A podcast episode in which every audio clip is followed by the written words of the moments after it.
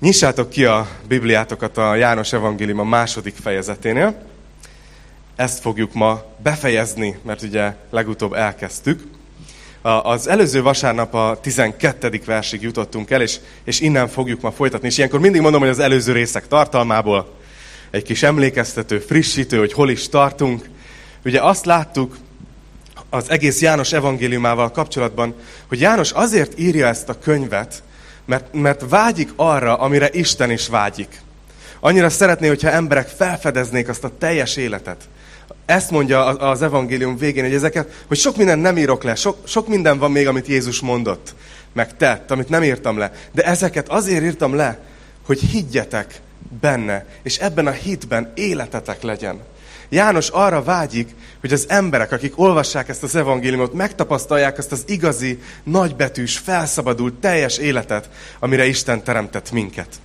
Úgyhogy ez az én vágyam is, ahogy így, itt ülünk a gyülekezetben hétről hétre, hogy ti is egyre jobban tapasztaljátok meg azt a teljes életet, amit Isten szánt nekünk. Mert és az a helyzet, hogy mondtam nektek múlt héten, hogy olyan furcsa nem, hogy miközben arról beszél, hogy az igazságot megismerjük, és az igazság szabaddá tesz közben nem leírja 12 pontban nekünk az igazságot János. Hogy szeretnéd tudni, hogy mi az igazság? Itt van ez az A4-es olvas, de el ez az igazság, itt van a legfontosabb összefoglalás.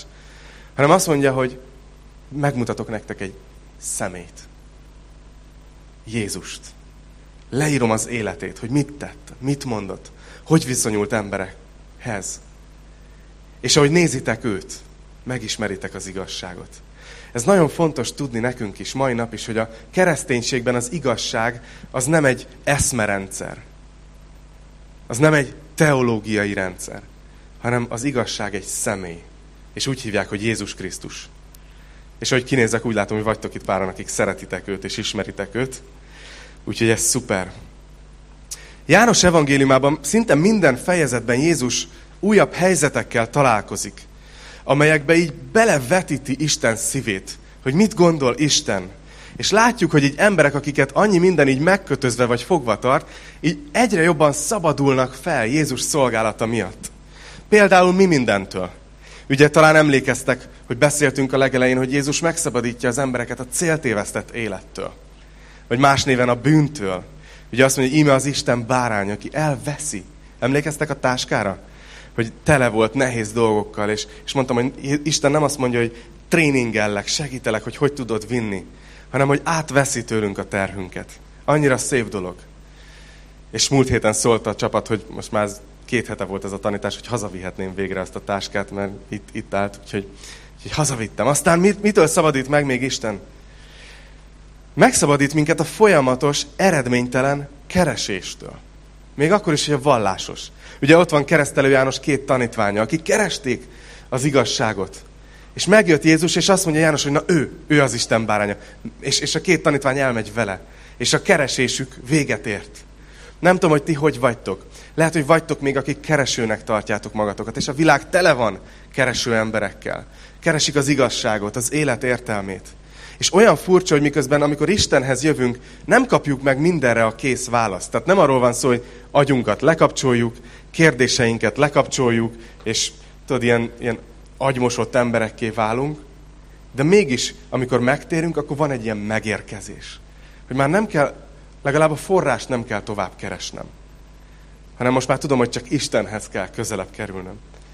Aztán múlt héten láttuk, hogy Jézus hogy szabadít meg minket a szégyentől. Emlékeztek erre? A kánai mennyegző kapcsán, hogy Jézus megszabadította a szégyentől, és beszéltem erről, hogy nagyon furcsa ez, mert, mert, mert nem arról van szó, hogy Isten ne szeretne minket megszabadítani a bűntől.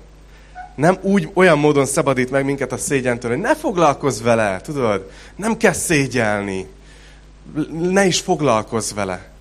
Hanem csak tudja, hogy a bűn a szégyen nem veszi ki az életünkből. Sőt, ha lehet, akkor a szégyen az csak még mélyebbre visz. Nem tudom, hogy megtapasztaltatok az életbe, hogy, hogy benne vagytok valamiben, amit így nem szívesen vállaltok fel, és hogyha, hogyha nem kell szégyelnetek, ha valakivel beszélhettek erről, akkor ötször olyan könnyű küzdeni vele.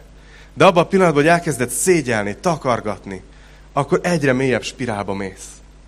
És Jézus meg akar minket szabadítani a szégyentől. És ma folytatódik a történet, és a mai fejezetben egy újabb olyan dolgot látunk, amitől Isten szeretne minket megszabadítani. Legutóbb ott tartottunk, hogy Jézus hazament a mennyegző után Kapernaumba, a családjával együtt. Itt viszont látjuk, hogy újra útra kell, és, és Jeruzsálembe megy. Úgyhogy a János 2.13-tól kezdjük. János 2.13. Közel volt a zsidók páska ünnepe, és Jézus felment Jeruzsálembe. Egy picit megállok ezen a versen, azért, mert ugye látjuk, hogy itt egy olyan történetet nézzünk meg, ami, ami Jeruzsálemben történik, és a Páska ünnep idő, időszakában, idején. De mielőtt belevágunk, talán többet kapunk ebből a történetből, ha egy kicsit megnézzük, hogy mi volt ez a Páska ünnep. Mi, volt, mi történt ekkor Jeruzsálemben.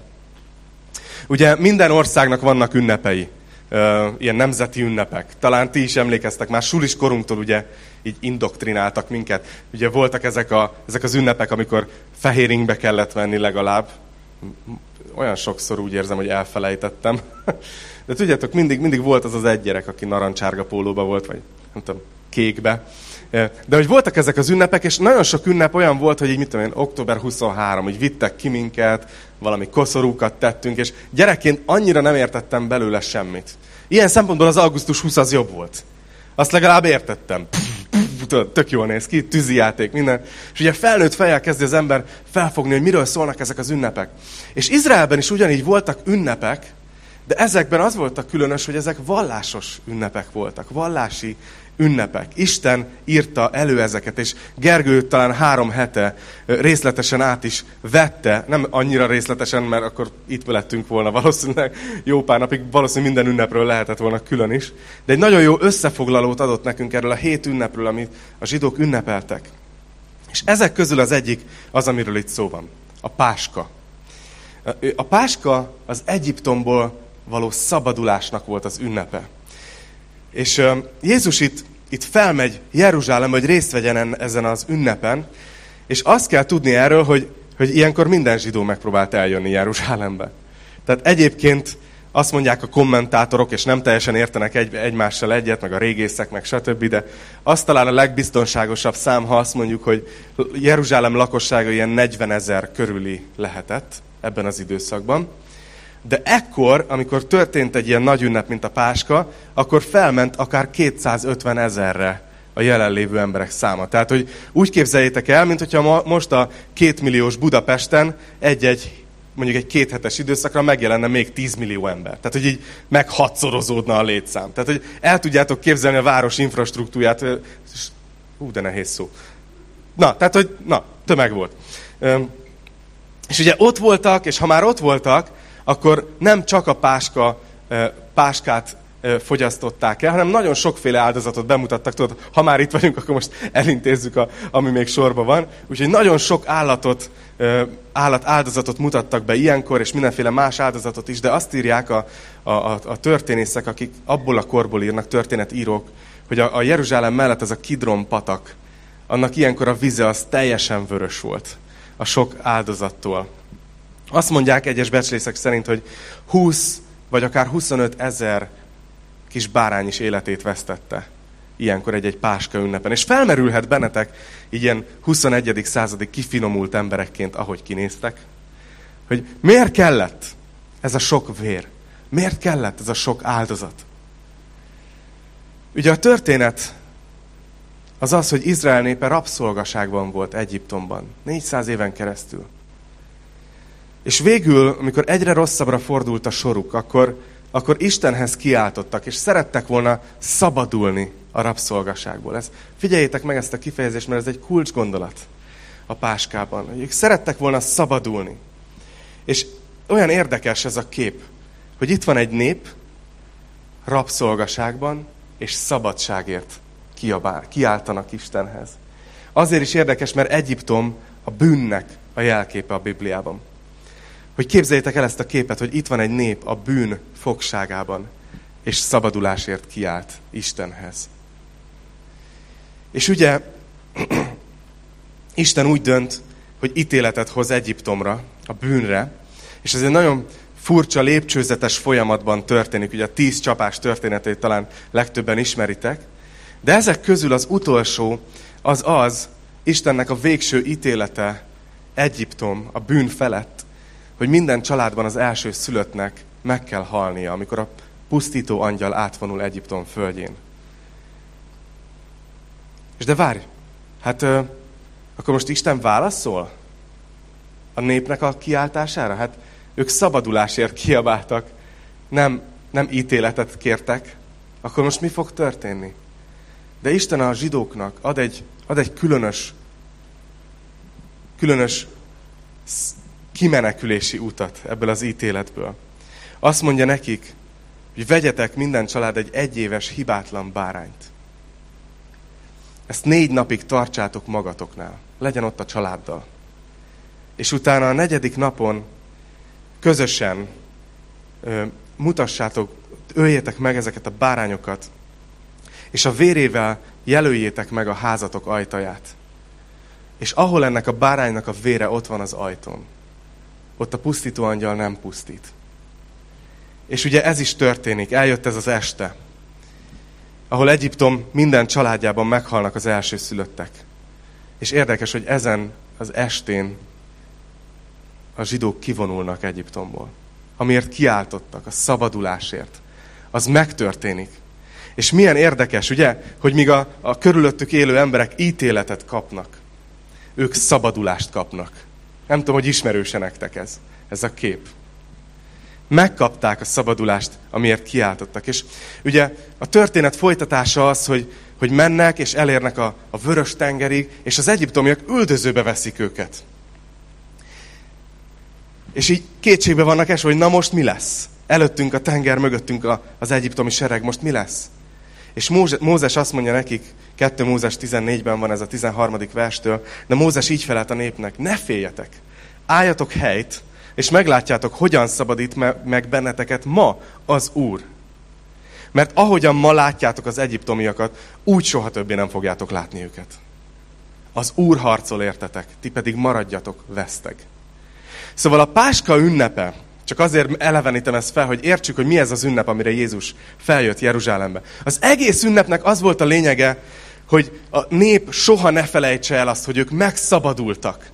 Hogy Isten szabadította meg őket. Hogy nem a saját erejükből szabadultak ki, hanem hogy Isten harcolt helyettük. Az egész páskának az volt a lényege, hogy a nép soha ne felejtse el, hogy úgymond nekik mennyire könnyen jött a szabadulás. Hogy miközben igen, a bárányok meghaltak, és a, a vér ott volt az ajtón, de ő rajtuk nem volt ítélet. Ők kivonultak. Ki kellett csak sétálniuk abból a helyzetből, amiben 400 évig ott voltak. Rabok voltak, szolgák voltak. És hogy még amikor ott voltak a vörös tengernél, akkor is nem kellett csinálniuk semmit, csak tovább sétálni az úton, amit Isten készített. By the way, a tenger közepén. És, és Isten harcolt, hogy nekik nem kellett tenniük semmit azért, hogy megszabaduljanak. Ennek az ünnepe volt a páska. Milyen érdekes, nem? Nem úgy szabadultak meg, hogy fogták a kardot és harcoltak.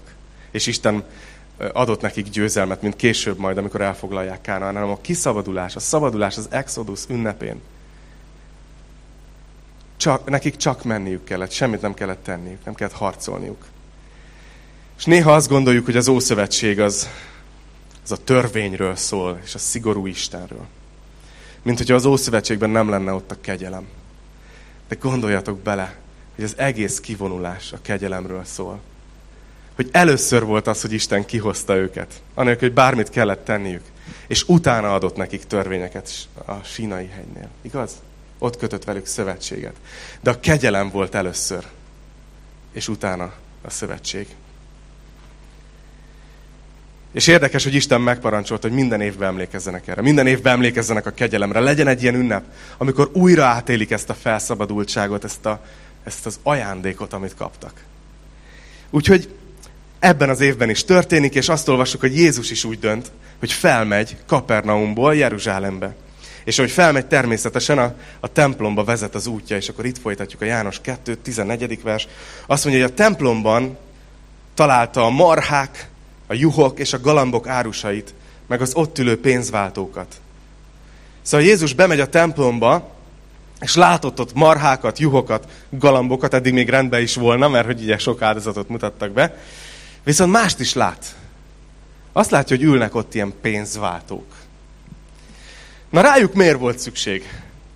Ugye egyrészt nagyon sokan a zsidók közül messziről jöttek, messze földről, akár külföldről jöttek, hogy részt vegyenek ezen az ünnepen, és, és ők, ők nem, nem, nem akartak úgy érkezni Jeruzsálembe, nem tudom, több, több száz tudod, mit a mérföldön keresztül így húznak maguk után ilyen áldozati állatokat, hogy, hogy gyere már, gyere már, tudod, tudod, ugye, belefáradtál, birka, be, tudod, hanem, tudod, hanem hogy azt mondták, hogy majd ott leszünk, majd ott megvesszük az áldozatot Jeruzsálembe. És a, a, a helyzet az, hogy a vallásos maffia ebben a helyzetben egy óriási üzleti lehetőséget látott. Azt látta, hogy figyeljetek, ez nagyon jó. Nagyon sokan itt vannak, akiknek szükségük van áldozati állatra. Úgyhogy az történt, hogy csak a templomi sékellel lehetett fizetni, amivel még ideig nem lett volna gond. De nagyon sokan rá specializálódtak, hogy pénzváltóként funkcionáltak, de többszörös árfolyamon váltották a pénzt. Tehát nagyon-nagyon drága lett végül az áldozat annak, aki úgy döntött, hogy majd Jeruzsálembe veszünk. És az emberek húzták a szájukat, hogy tudod, ha már itt vagyunk, akkor kifizetjük, de hát ez már megint drágább, mint tavaly. És így, nem tudom, mint a forraltbor a Vörösmarty téren, tudjátok, vagy a kürtős kalács, amit hétköznap megveszel 300 forintért valahol, és nem tudom, egy ilyen majálison meg 2000 ér, és száraz.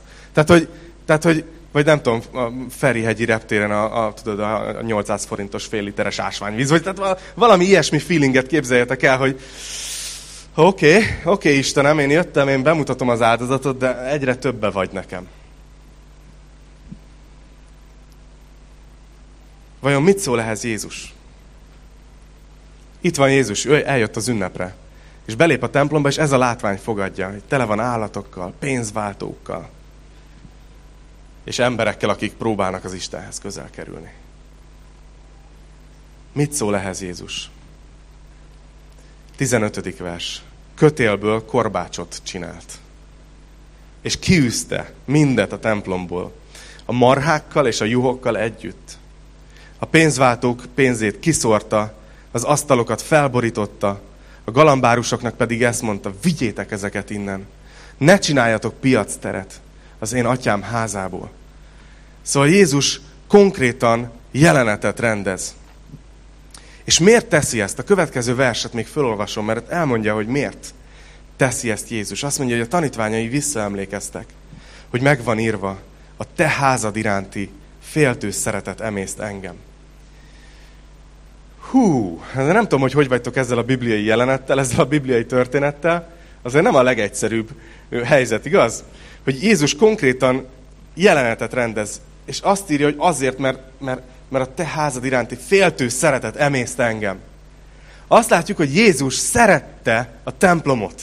Szerette ezt a helyet, aminek az egész lényege az volt, hogy Isten jelenléte ebben a bűnös, szétesett világban valahogy megtapasztalható legyen.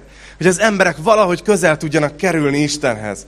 És, és örült, amikor látta, hogy az emberek jönnek, és hozzák az áldozatukat, és bemutatják Istennek, és megszabad, meg, megtapasztalják a felszabadulást, a megkönnyebbülést, az örömöt Isten jelenlétében.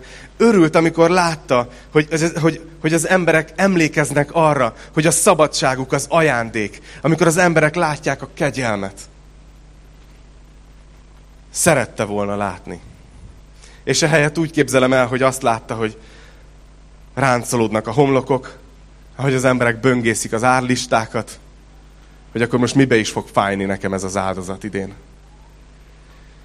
És hogy a vallási vezetők ahelyett, hogy segítettek volna felszabadultan ünnepelni, elvették az örömet az Istennel való kapcsolatból. Elvették a felszabadulást az emberektől. És sokan nem tudnak azzal, azzal mit kezdeni, amit itt Jézus tesz. Mert ellentmond annak a képnek, amilyennek Jézust megismertük, igaz? Tehát, hogy azért őt nem ilyen ostor, ostor csapkodós valakinek. Ő általában úgy képzeljük el Jézus, hogy ilyen, hát na, hogy fogalmazza, kicsit ilyen hippi, hogy így minden szelíd, béke, nyugi, rendben vagyunk, tehát mosolygás. És ez, ez mi? Tehát, hogy így, hoztam én is egyet. Hát, azt olvassuk. Ez jó, nem ilyen volt. Még nem volt rajta a magyar zászló az ő ostorán, gondolom. Ezen sincs. Már lejött. de ez ugye valószínűleg nem teljesen ilyen ostor, de talán, hogy el tudjátok képzelni. Hogy, hogy azt olvassuk, nézzétek, hogy, hogy Jézus leült, és ostort font. Na most nem tudom, hogy el tudjátok ezt képzelni. Azért ezzel, ezzel, ahogy így megnézem, van meló. Tehát, hogy itt nagyon szépen össze van fonva, nem tudom, hogy Jézusé is ennyire szép volt, mert ő csinálta a világot, tehát ő a teremtő, ezért valószínűleg annyira rossz munkát nem adott ki a kezéből. De amit szeretnék érzékeltetni, hogy ezzel mindenképpen munka volt. Tehát ő leült, és elkezdte megfonni ezt az ostort. És beszélgettünk a dicsőítő csapattal reggel, hogy, hogy vajon miért tehette ezt, hogy miért, miért, miért van ez is leírva, hogy ő ostort font. Nem azt mondta, hogy fogott egy ostort. És azt, azt mondta a Marci, talán te mondtad? Tivadar mondta, Tivadar mondta, bocsánat, hogy lehet, hogy annyira ideges volt, hogy előtte szerette volna lekötni magát egy tíz percre valamivel, hogy kicsit lenyugodjon. De ugye nem tudom, hogy milyen kép él bennetek Jézusról, mert valakik úgy gondolják, Jocával tegnap a vőtársammal, így a YouTube-on megnéztük, hogy hogy van ez a jelenet földolgozva így Jézus filmekbe. És sok olyan jelenetet látunk, tudod, ahol, ahol Jézus szinte ilyen, tudod, ilyen, tudod, csak így megy az ostorral, de csak így, tudod, így legyint, és, és akkor tudod, így olyan óvatosan dönti fel szinte az asztalt, hogy ő kér elnézést, Tudod, hogy ilyen, ez a nagyon szerető szívű, szelíd, alázatos Jézus látjuk. Volt olyan, ahol meg üvöltözött, és na, ezt most nem fogom megcsinálni, mert hoppá, mikrofonálvány. Na, szóval ez egy közveszélyes tanítás. A lényeg az, hogy valahol így, így elkezdett ilyen eszeveszetten csapkodni, és üvöltözött, és nem tudom, hogy hogy, hogy lehetett, de az biztos, hogy, hogy ebbe van indulat ebbe a fejezetbe. És még, még szépíteném, hogy biztos az embereket nem ütötte, tudod?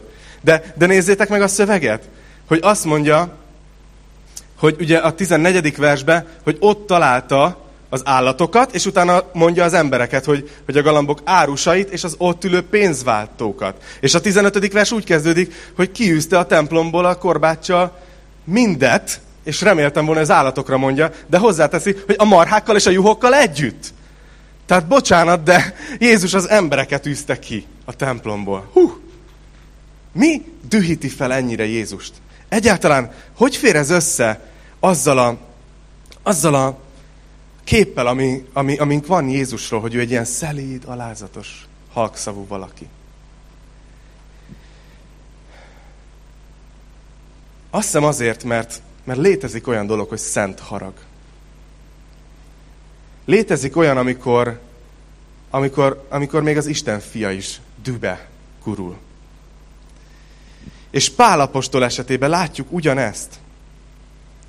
Látjuk ugyanezt, amikor, amikor ott van a Galata-beli gyülekezetek, akik ugye megalapulnak a gyülekezetek, terjed az evangélium, és, és elkezdenek az emberek hinni Jézusban, megtapasztalják a felszabadultságot, a kegyelmet élvezik, ugyanúgy, mint az, a, a, a, az Egyiptom esetében, ugye, amikor kiszabadultak, hogy nem kellett tenniük semmit, csak hinniük Jézusban, és megszabadultak a bűn fogságából, és örülnek a kegyelemnek, és akkor jönnek ilyen komoly tanítók, és azt mondják, hogy há, hisztek Jézusban? Hmm, kiváló kezdés. De vannak itt mélyebb tanítások. Azt nem gondoljátok, hogy Istennek elég ennyi? Ti hisztek Jézusban? Be kéne tartani a törvényből bizonyos dolgokat, hogy Isten igazán elfogadjon titeket. És pakolnak rá az emberekre terheket, előírásokat, elvárásokat, hogy ez is kell ahhoz, hogy az Istennek te megfelelj. Nem elég, hogy hiszel Jézusba. És Pálapost, ugye akkor ott a, a fő téma az a férfiak pekére pont a körülmetélkedés volt. Tehát ezek a tanítók azt kezdték ott Galatában, Galácia tartományában tanítani, hogy, hogy ahhoz, hogy Isten tényleg elfogadjon, ahhoz hinned kell Jézusban, igen, de körül is kell metélkedned a törvény szerint. És megzavarták a hívőket. Ugyanaz, mint a Jeruzsálemi templomban, hogy, hogy az, az Istennel való felszabadult kapcsolat helyét átvette egy ilyen, ó, oh, mit kell nekem adnom, hogy megfeleljek az Istennek. És Pálapostolból ugyanez a fajta harag jön elő. Csak, csak ott, ő nem volt ott, ő leveleket írt, de szerintem, hogyha lett volna ilyen modern billentyűzet, akkor caps lockot így bekapcsolta volna, és így tudod, piros betűkkel és felkiáltó jellel írja, írja nekik, hogy, hogy esztelenek vagytok, galaták. Egy kis finom apostol balgák vagytok. És azt mondja, nézzétek, ezekről a tanítókról, hogy bárcsak ki is metszenék magukat, akik lázítanak titeket. Galata 5.12. Szóval azt mondja ezekre a tanítókra, akik azt tanították, hogy körül is kell metélkedni, hogy bárcsak ki is metszenék magukat. Szóval 18-as karika, ennek a szónak két lehetséges fordítása van, ennek a kimetszék szónak. Az egyik a kasztrálás, a másik a, hát hogy is fogalmazzam, a lenyisszantás. Pálapostól annyira mérges ezekre a tanítókra, akik így terheket pakolnak az emberekre, és ennek az egyik megnyilvánosa, hogy a körülmetélkedést tanítják, hogy azt mondja, hogy bárcsak az egészet ők is lekapnák. Ott van ez a düh, ez az indulat, ez a szent harag. És azt látom, hogy itt a templomban ugyan ezt látjuk Jézusom. És fogja, és röpülnek a pénzek, és gurulnak a, a pénzek, és nem tudom, suhog az ostor.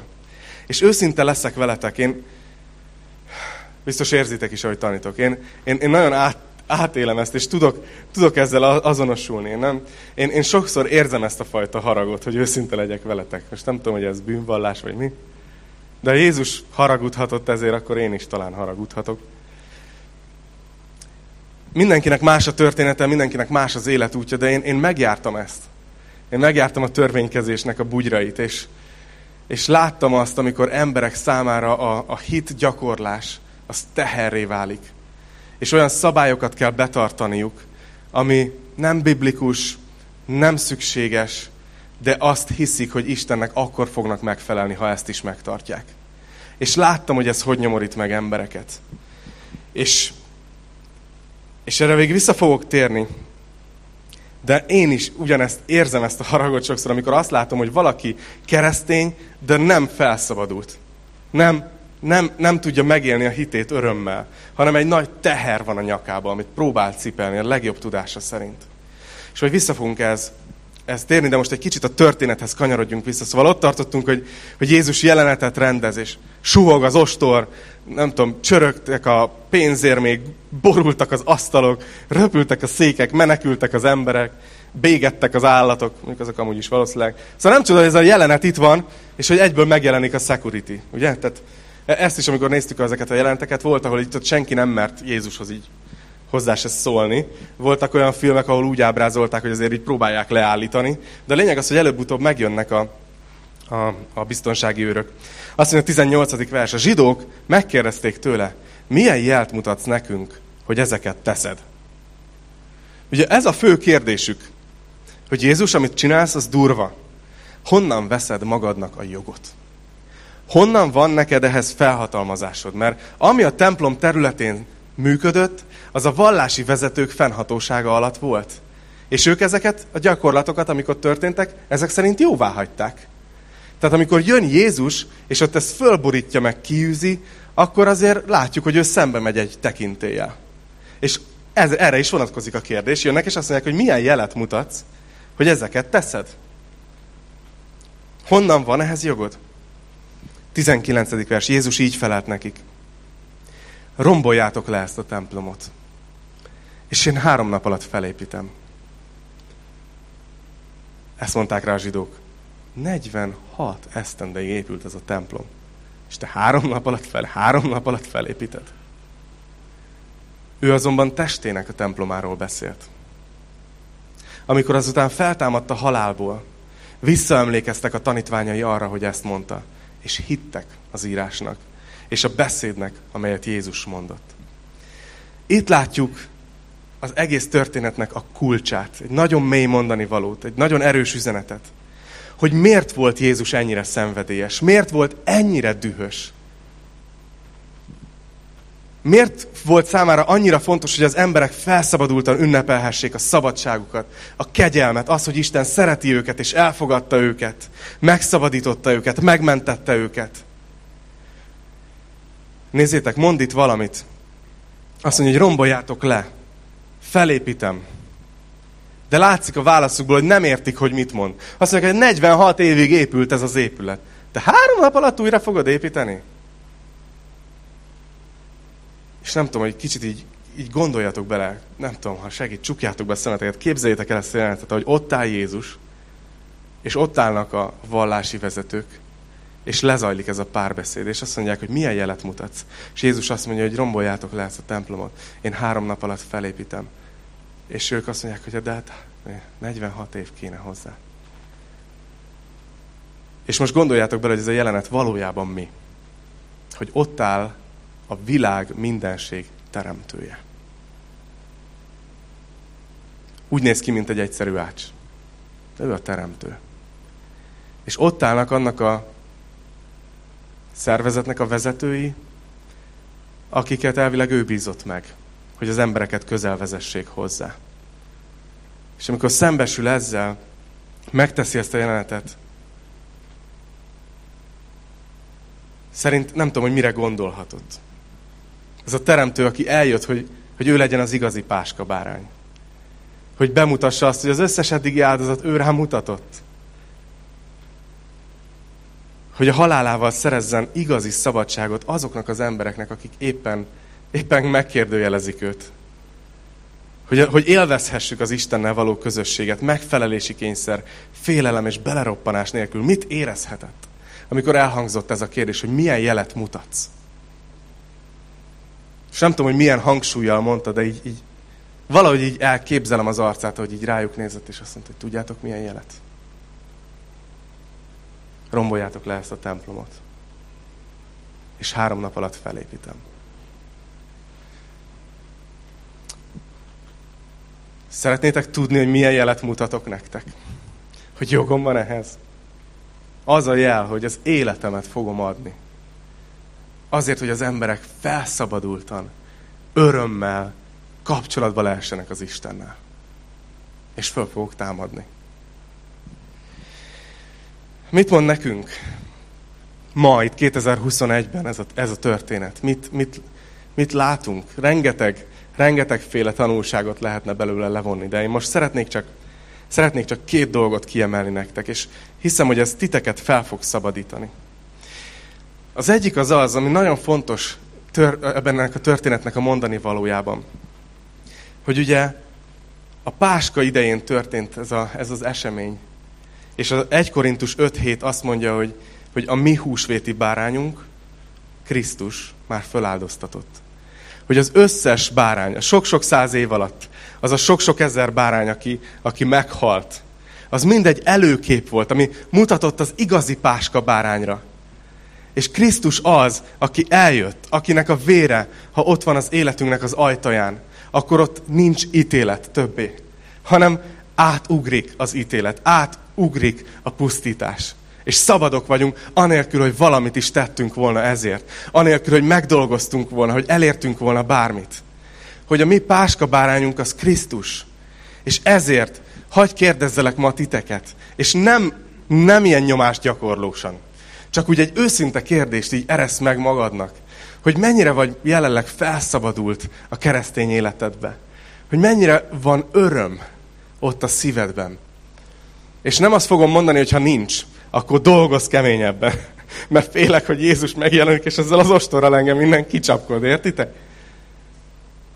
Hanem csak nézzétek a megváltót, nézzétek az igazi páska bárányt. Csak örvendezzetek annak, hogy meg vagytok mentve. Hogy meg vagytok mentve. Egy második nagyon fontos dolog ebben a történetben, hogy itt Jézus mit tesz a, a vallási vezetőkkel. Hogy fon egy ostort, és, és ugye ott az árusokat, akik ott kalmárkodtak, üzleteltek az emberek lelki ismeretével valójában, fogta és kiűzte. És néha azt gondoljuk, hogy tudod, igen, én is tudok ilyen gyülekezetet. Tudod, egyből bevillannak vezetők, egyből bevillannak struktúrák, szervezetek, hogy na, ott is ez megy. És na, tehát hagyd mondjam el nektek, hogy igazából nem minden gondunk keresztényként sokszor a vezetőség, vagy a struktúra egy gyülekezetben, vagy a szervezet. Vannak, vannak, akik ugye azért váltanak gyülekezetet, mert szeretnék felszabadultabban megélni a, a, a hívő életet, csak ugye az, az a baj a gyülekezetváltásokkal mindig, hogy visszük magunkat magunkkal. és ezt most, tehát hogy én is megtapasztaltam ezt. És a helyzet az, hogy, hogy, hogy itt belül kell valaminek történni, valaminek a szívünkbe. hogy megtapasztaljuk ezt. És ne, ne értsétek félre, nem akarom ennek a jelentőségét csökkenteni. Nagyon fontos az, hogy egészséges tanítás, hogy egészséges vezetés legyen egy gyülekezetben is. Belül kell történni valaminek. Viszont azt is nagyon szeretném a szívetekre helyezni, hogy, hogy van olyan, amikor egy vezető, vagy egy közösség, vagy egy szabályrendszer, vagy egy hagyományrendszer, vagy valami megakadályozza a keresztényeket abban, hogy megéljék az Istennel való szabad kapcsolatot, az örömöt. Ezt nevezzük törvénykezésnek, amikor emberekre elkezdenek szabályokat pakolni, elvárásokat, amelyek nem biblikusak, de azt mondják, hogy ezt is meg kell tenned, ahhoz, hogy te igazán rendben legyél, a mi szemünkben is Istennel. És ilyenkor nyúl Jézus az ostorért. És szeretnék két dolgot mondani ezzel, remélem, hogy egy kicsit így, így helyre tesszük ezt magunkba ezzel. Szeretnék két dolgot mondani. Az egyik az az, hogy, hogy, hogy ebben a gyülekezetben bátorítva vagytok arra, hogy vigyázzatok a szabadságotokra. És egyébként tudom, hogy nagyon sokan hallgatják a, az alkalmainkat, az olyanok is, akik más gyülekezetekbe jártok, és mindenkit arra bátorítok, hogy, hogy vigyázzatok a szabadságotokra. És ezt azért mondom, mert Pálapostól mondja, hogy álljatok meg a szabadságban. És ne engedjétek, hogy valaki újra a szolgaság igájába fogjon titeket. Nagyon fontos. De a másik dolog, és ezt is szeretném a szívetekre helyezni, hogy az ostort Jézus fogja. Ez most lehet, hogy nagyon bátorító. Na, eljöttem Gyülibe, megmondták, hogy ostor van Jézus kezébe. De értsétek jól, értsétek jól. Jézus itt bemutatja ebben a történetben, hogy kész szembe menni olyan vallási struktúrákkal, amelyek akadályozzák az embereket, hogy Istennel kapcsolatot létesítsenek. De nem azt mondta, hogy na gyertek tanítványok, akkor mindenki fog egy darab, nem tudom, lent, vagy nem tudom mi volt ott, meg bört, és akkor most együtt tudod, ostorfonó szakkör. Mert néha van ilyen érzése az embernek keresztény körökbe. hogy akkor az én mozgalmamnak az lesz az egyik alapja, hogy mi szembe megyünk a gonosz struktúrákkal, és, és a gonosz vezetőkkel, és csapkodjuk kifelé a, a, a népeket. Nem. Jézusnak csak az ő kezébe volt ostor. És később sem mondta azt, hogy menjetek el, tegyetek tanítványá minden népet, és ahol ilyen vallási struktúrát láttok, ott pedig fonjátok az ostort, ahogy tőlem tanultátok. Az ostor Jézus kezében van. És nekem az a meggyőződésem, hogy ez ma is így van. Én, én meg vagyok arról győződve, hogy, hogy, hogy azokon, a, azokon a helyeken, ahol az emberekre extra terheket pakolnak, ahol törvénykezés van, ahol az embereket nem engedik Isten közelébe felszabadultan, ott Isten előbb-utóbb közbe fog lépni. De nem a te fogja adni az ostort. Hanem neked adott egy térdet.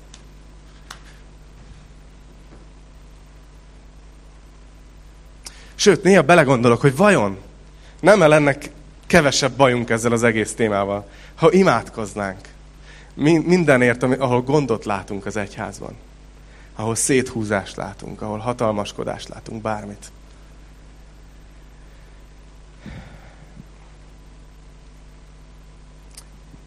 No, hát majd meglátjuk, hogy hova viszi tovább a Szentlélek bennetek ezeket a gondolatokat. 23. vers. Amikor Jeruzsálemben volt a Páska ünnepén, sokan hittek az ő nevében, mert látták a jeleket, amelyeket tett. Jézus azonban nem bízta magát rájuk, mert ismerte minnyájukat. És nem volt szüksége arra, hogy bárki tanúskodjék az emberről, mert ő maga is tudta, hogy mi lakik az emberben. Szóval azt látjuk, hogy itt ezen a Páska ünnepen, amikor Jézus ott volt, nagyon sok csodát tett. Nem csak azt, nem csak, nem csak, nem csak a, nem tudom, a bunyó jelenet van, van ebben a fejezetben, hanem hogy nagyon sok jelet tett, mert nincsenek itt részletezve. És nagyon sokan hittek benne. De a, nagyon érdekes dolgot olvasunk itt, azt mondja, hogy ő, ő nem bízta magát rájuk, mert, mert tudta, hogy mi van az emberekben. És ez lehet, hogy először egy ijesztő gondolat, hogy hú, Tudod, Isten tényleg látja pontosan, hogy mi van bennem. De igazából azt hiszem, hogy, hogy, hogy bátorító az, hogyha tudjuk, hogy Isten látja, hogy mi van bennem, és mi van a Marciban. És mi van az Edinában, mi van az Ágiban. Bátorító, tudjátok miért? Mert, mert leveszi rólunk a felelősséget, hogy nekünk kelljen látni, mi van másokban. Olyan jó, és ezért, ezért annyira vágyom arra, hogy ez a közösség mindig egy ilyen szabad levegőjű gyülekezet legyen. Ahol nem elvárásokkal, nem manipulációval, nem szabályokkal jövünk felétek, nem azzal szolgálunk, hanem tudjuk azt, hogy Jézus látja, hogy mi van bennetek. Ő pontosan tudja, hogy mire van szükségetek. És ő fog hozzátok szólni, és az igényen keresztül fogja végezni a munkát, akkor is, hogyha senki más nem tudja, hogy éppen mivel küzdötök. És nagyon fontos, hogy én nem gondolom, hogy Jézus itt így, így az volt a célja, hogy ezek az emberek így végleg, nem tudom, nyolc napon túlgyulgyuló sérülésekkel kikössenek valahol egy kórházban, és hanem azt hiszem, hogy azért csinálta az egész akciót, hogy ráébredjenek az emberek, hogy te nagyon messzire mentetek attól a felszabadult kapcsolattól, attól a felszabadult ünnepléstől, aminek az egész a célja volt. És hogy nem ítélet van benne. Lehet, hogy nektek is hallani kell ezt ma reggel, hogy igen, az a, az, a, az a rossz hír, hogy Isten teljesen jól látja, hogy mi van a szívedben. Azt is, amit senki másnak nem ismersz be. De a jó hír az viszont az, hogy nem ítélet van benne. Nem ítélet van benne, hanem szeretne felszabadítani. Mert az érdekesség az, hogy ma már nincs templom. De azt mondja az ige, hogy, hogy a ti testetek a Szentlélek temploma. Hogy ma a mi testünk az a hely, ahol Isten szeretne velünk találkozni. Újra és újra. És megélni ezt a közösséget, ezt a felszabadultságot, ahol már nem kell újra páskabárányt áldozni, és újra és újra, mert a mi páskabárányunk már egyszer megáldoztatott. De arra biztatlak titeket, hogy most, ahogy, ahogy folytatni fogjuk az Isten tiszteletet azzal, hogy úrvacsorázunk, gondoljatok erre. Milyen érdekes, nem, hogy, hogy Jézus az utolsó vacsoráján gyakorlatilag bemutatta, hogy ugyanez a mi történetünk adott egy olyan, egy olyan dolgot, ami folyamatosan a páska vacsorára emlékeztet minket. Folyamatosan arra emlékeztet minket, és a keresztények ünnepelték, gyakorolták ezt, akárhányszor csak találkoztak, sokszor naponta. Valaki jönnek, jön, jött már hozzám, hogy miért veszünk minden héten úrvacsorát. Hát mondtam, igazad van, mert nem túl biblikus. Az első keresztények naponta vettek. De azért, mert annyira szükségünk van arra, hogy folyamatosan emlékezzünk erre hogy folyamatosan átéljük azt a felszabadult ünneplését a kegyelemnek, hogy meg vagyunk szabadítva. Megszabadultunk. És csak hagyj fejezzem be ezzel. A következő történetben azt fogjuk majd látni, hogy, hogy a zsidó vezetők közül az egyiket nagyon elgondolkoztatták, látottak. És el fog jönni Jézushoz. Igaz, hogy csak éjszaka mer. De rá fog kérdezni, hogy na akkor tisztázzuk, hogy te ki vagy. És csak szeretnélek biztatni, hogyha esetleg úgy vagy itt, vagy úgy hallgatod ezt a tanítást, hogy még, még nem adtad át az életedet Istennek, még nem tértél meg, akkor biztatni arra, hogy, hogy lásd, hogy Istennek ez a terve, hogy ő adatta a fiát azért, hogy minket kiszabadítson a bűnből. És ezért nekünk nem kell tennünk semmit. Ez az ő munkája, ezt ő végezte el. És azt kiáltotta a kereszten, hogy elvégeztetett. Úgyhogy szeretnék arra bátorítani mindenkit, aki esetleg még nem döntött, hogy dönts ma, hogy mondd azt ma Jézus Krisztusnak, hogy hiszek benned, bízok benned, elhiszem, hogy te szabadítottál meg a bűneimből. Legyél mostantól te az Istenem. Úgyhogy urvacsorázni fogunk, és szeretném is kérni a dicsőítő csapatot, hogy gyertek vissza. Fognak játszani egy dalt, közben segítők körbe fogják vinni a tálcát, Vegyetek magatokhoz ebből a pászkából, ami Jézus megtört testét jelképezi.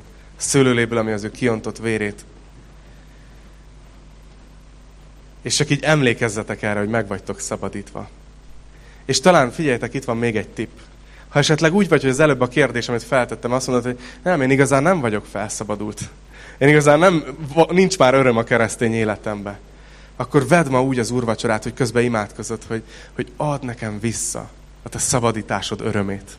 Hogy újítsd meg bennem az erős lelket, hogy, ahogy, ahogy a Zsoltár imádkozott. Hogy éljétek át újra az, hogy szabad, szabadok lettetek. És álljatok is meg a szabadságotokban.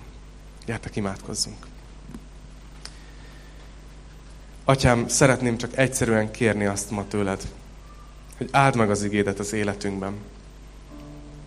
Tudjuk, hogy azt mondtad, hogy nem tér vissza hozzád üresen, hanem elvégzi az igéd, amiért elküldted. Úgyhogy kérlek most is, hogy végezd a munkádat.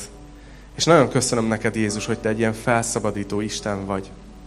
Szabaddá teszel minket annyi mindentől, a bűntől, a szégyentől, a hosszantartó, fölösleges és céltalan kereséstől. Köszönöm azt is, hogy szabaddá teszel minket a vallásosságtól. Attól, hogy nekünk kéne neked dolgozni. És köszönöm neked a kegyelmedet. Köszönöm neked, Jézus, hogy azért, mert Te az életedet adtad, mert Te, ami páskabárányunk már feláldoztattál, ezért mi szabadok lehetünk benned. És imádkozom mindenkiért, Uram, aki hallja ezt a mai ige tanulmányozást, hogy add a szívünkbe, hogy igazán fel tudjunk szabadulni benned. Megéljük azt a mély örömet, ami, ami az egész Páska ünnepnek is a lényege volt, pedig csak egy előkép volt.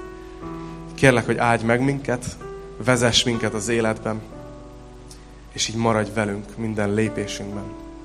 A Te nevedben. Amen.